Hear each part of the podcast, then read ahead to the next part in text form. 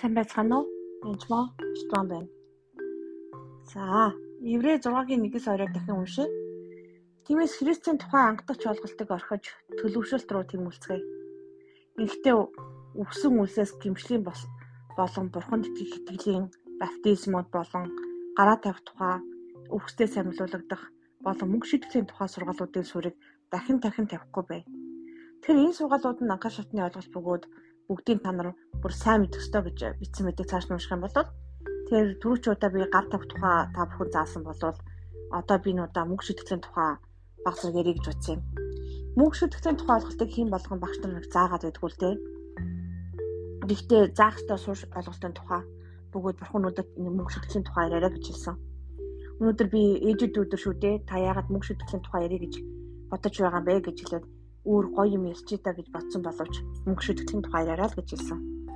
Тэгэхээр би бухныгаа ариун сүсээрээ дахаа сурахгүй байдалд байна. Аа тэгээ та битгий хараа. Би би бол зөвхөн мессенжер буюу бүхэн юу гэж хэл гэсэн тэрийг л хэлдэг хүн. Аа тэгэхээр өнөөдөр энийг занаа гэсэн.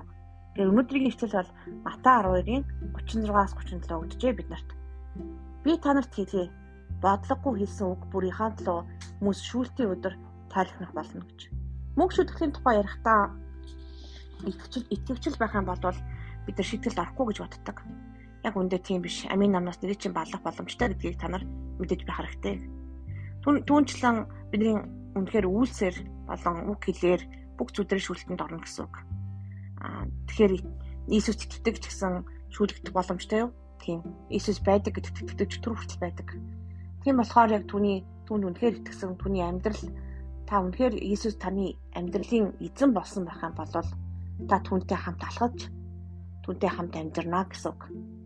Тэгээ тэгж амьдрч чадсан уу гэдгийг эзэн шүнэ гэсэн үг. Зүгээрч биш бүр үг хэлээр нь шүүхнэ. Бодлогогүй хэлсэн үг бүрийнхаа төлөө хүмүүс шүүлтийн өдөр тайлхнах болно. Тэр хүмүүс амаас гарч байгаа юм чи үнэхээр чухал шүү гэж олон хүмүүс ярьдаг л да. Тэгэхээр энд бүр ямар чухал болохыг харж байна уу? Үг бүрийнхаа төлөө шүү шүүгдэх нь вэ л да. Эзэн бидний үсийн шиг болгоныг мэддэг юм чинь хэлсэн үг болгоныг мэдэх боломжтой юу? Мэдээж. Ялангуяа хүмүүсийн гомдоос үг хэлсэн бол бүр шүүгдэх болно. Тэр хүмүүс үнэхээр зовцсон шаналцсан үед хатуу үг хэлэх үед маш гомддог байгаа. Аа жишээлбэл миний хүүг осол аварт орсон багт нь босс нь бити худлаа яриад чи худлаа ярьсан байна. Аа ингээд байх юм бол чамаа ажлаас нь чи халан шүү чи ажлаас нь халтчихжээ л дээ. Жишээлбэл надад нэг удаа бас хүүхдүүд маань осолд орсон байхад аа та ямар хүүхдүүд ямар машинтай явсан ажлын машинтай яваад осолд орсон юм шүү дээ гэж хэлжсэн хүнч байсан. Миний хүүхдүүд яана амьдуу зүгээр үү гэж асуухын оронд маш хүнд осол байсан. Эм чин бараг чи хүүхдтэйгээ уулзч чадахгүй дээ гэж хэлжсэн. Тэгэхээр зарим хүн шал өөр л юм ярьж байсан. Хартаа нэг хүний алдчихад зовж байсан чинь уулзалтанд хэлсэнгүү гэд нэг итгэгч эмэгтэй намайг загнаж байсан.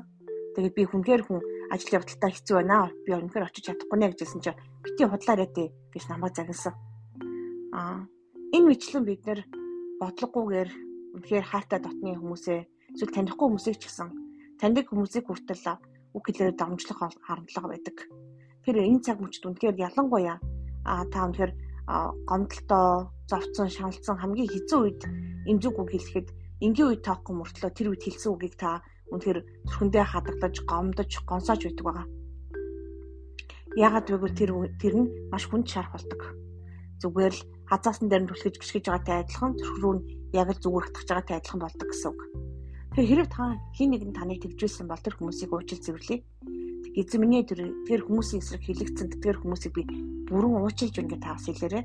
Тэгээд түүний хэлсэн үгдийнхэн талаар та шүүлтийн өдөр та цэвэрлэж өгөөч ээ гэж бас гуйж бас болно.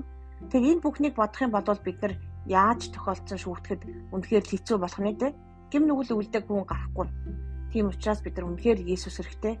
Бид нар бас бодлогоогоор үгээ хэлэхгүй байхын тулд бас аман дээр минь манаач тавиараа гэж гуйхрахтэй гэсэн үг. Учир нь чи үгсээрээ зөвтгөгдөн мөн чи үгсээрээ ялагдана гэж Матай намын 12-ын 36 дээр ган 37 дээр бичсэн байна л да. Тэгээ энэ бүлгийг унших юм бол а бас уршин хоош нь унших юм бол олон үгтэй холбоотой зүйлүүд бүгдээрээ байдаг байж байгаа. Тэгэхээр шүүлт бол үнэхээр бодиттой зүйл шүү. Тэгээ би өөрөө нэгэн хүнийг залбирж байгаад би яалгүй хүний амсар дээр одоо нэг удаа очиж байсан. Яг тэр үед бостой Иесусэж гэж хэлж чадахгүй маш хатуу тэгээд гэрэл гэрэл харагдахгүй маш тийм хорхоо шавж ихтэй дөнгөж амсар дээр ноцсон мөртлөө би тэр үзэгдлээс гарч ирэхдээ ямар ч хүчгүй болж гарч ирсэн. Би мөглөхөн үнэхээр хэлж би мөглөхөн хөрөгч рүү очиод нэгэн юм идэж уух юм амруугаар авч хийсэн байж байгаа. Ямар ч хүч байхгүй болоод маш их айцар дүүрэн тийш хизээж орох ёсгүй юм байна гэдэг тийм боломж бодолтой гарч ирсэн байгаа. Тэгэхээр аа диважин байдаг болвол там байдаг. Яралгүй хүн гэсэн бодтой зүйл. Аа би доошоо бол хаягдаж үзээгүй. Очихын ч хүсэхгүй тийм газар байлээ. Амсар дээр нь дөнгөж очиход л ямар ч хүч байхгүй болж ямар ч одоо юу найдваргүй болж эхэлчихсэн байгаа. Тэгээ тийм хэцүү зүйл байгаа. Тэгээд та бүхэн бас яг энэ итгэлийн амьдралын яг библиэлд байгаа хэсгүүдийг хүмүүс заадаггүй ч гэсэн бас өөрөө уншаасаа гэж хүсэж байна. Тэрх явдал бол маш чухал. Яагаад вэ гэвэл мэдээж би та нарыг айцар урдах гэж оролдоогүй боловч мэдлэггүйгээс олж миний ард түмс хүндэг байгаа. Тийм учраас болгоомжгүй бас үг хэлэхүүд бити хэрэглэрээ хүмүүсийг бас бити гамдаагаараа гэж хэлж байна. За та бүхэнд энэ өдрийн амгалан айлтгахын цэцүү тэгэд эзний мэдлэг дүүрэн байх болтгоо эзний үг үнхээр зүрхэнд тань орох болтугай. Эзнээс имээхүү сүнс та бүхэн дээр байх болтугай. Иесус нэрээр залбирanгуйлаа. Амен.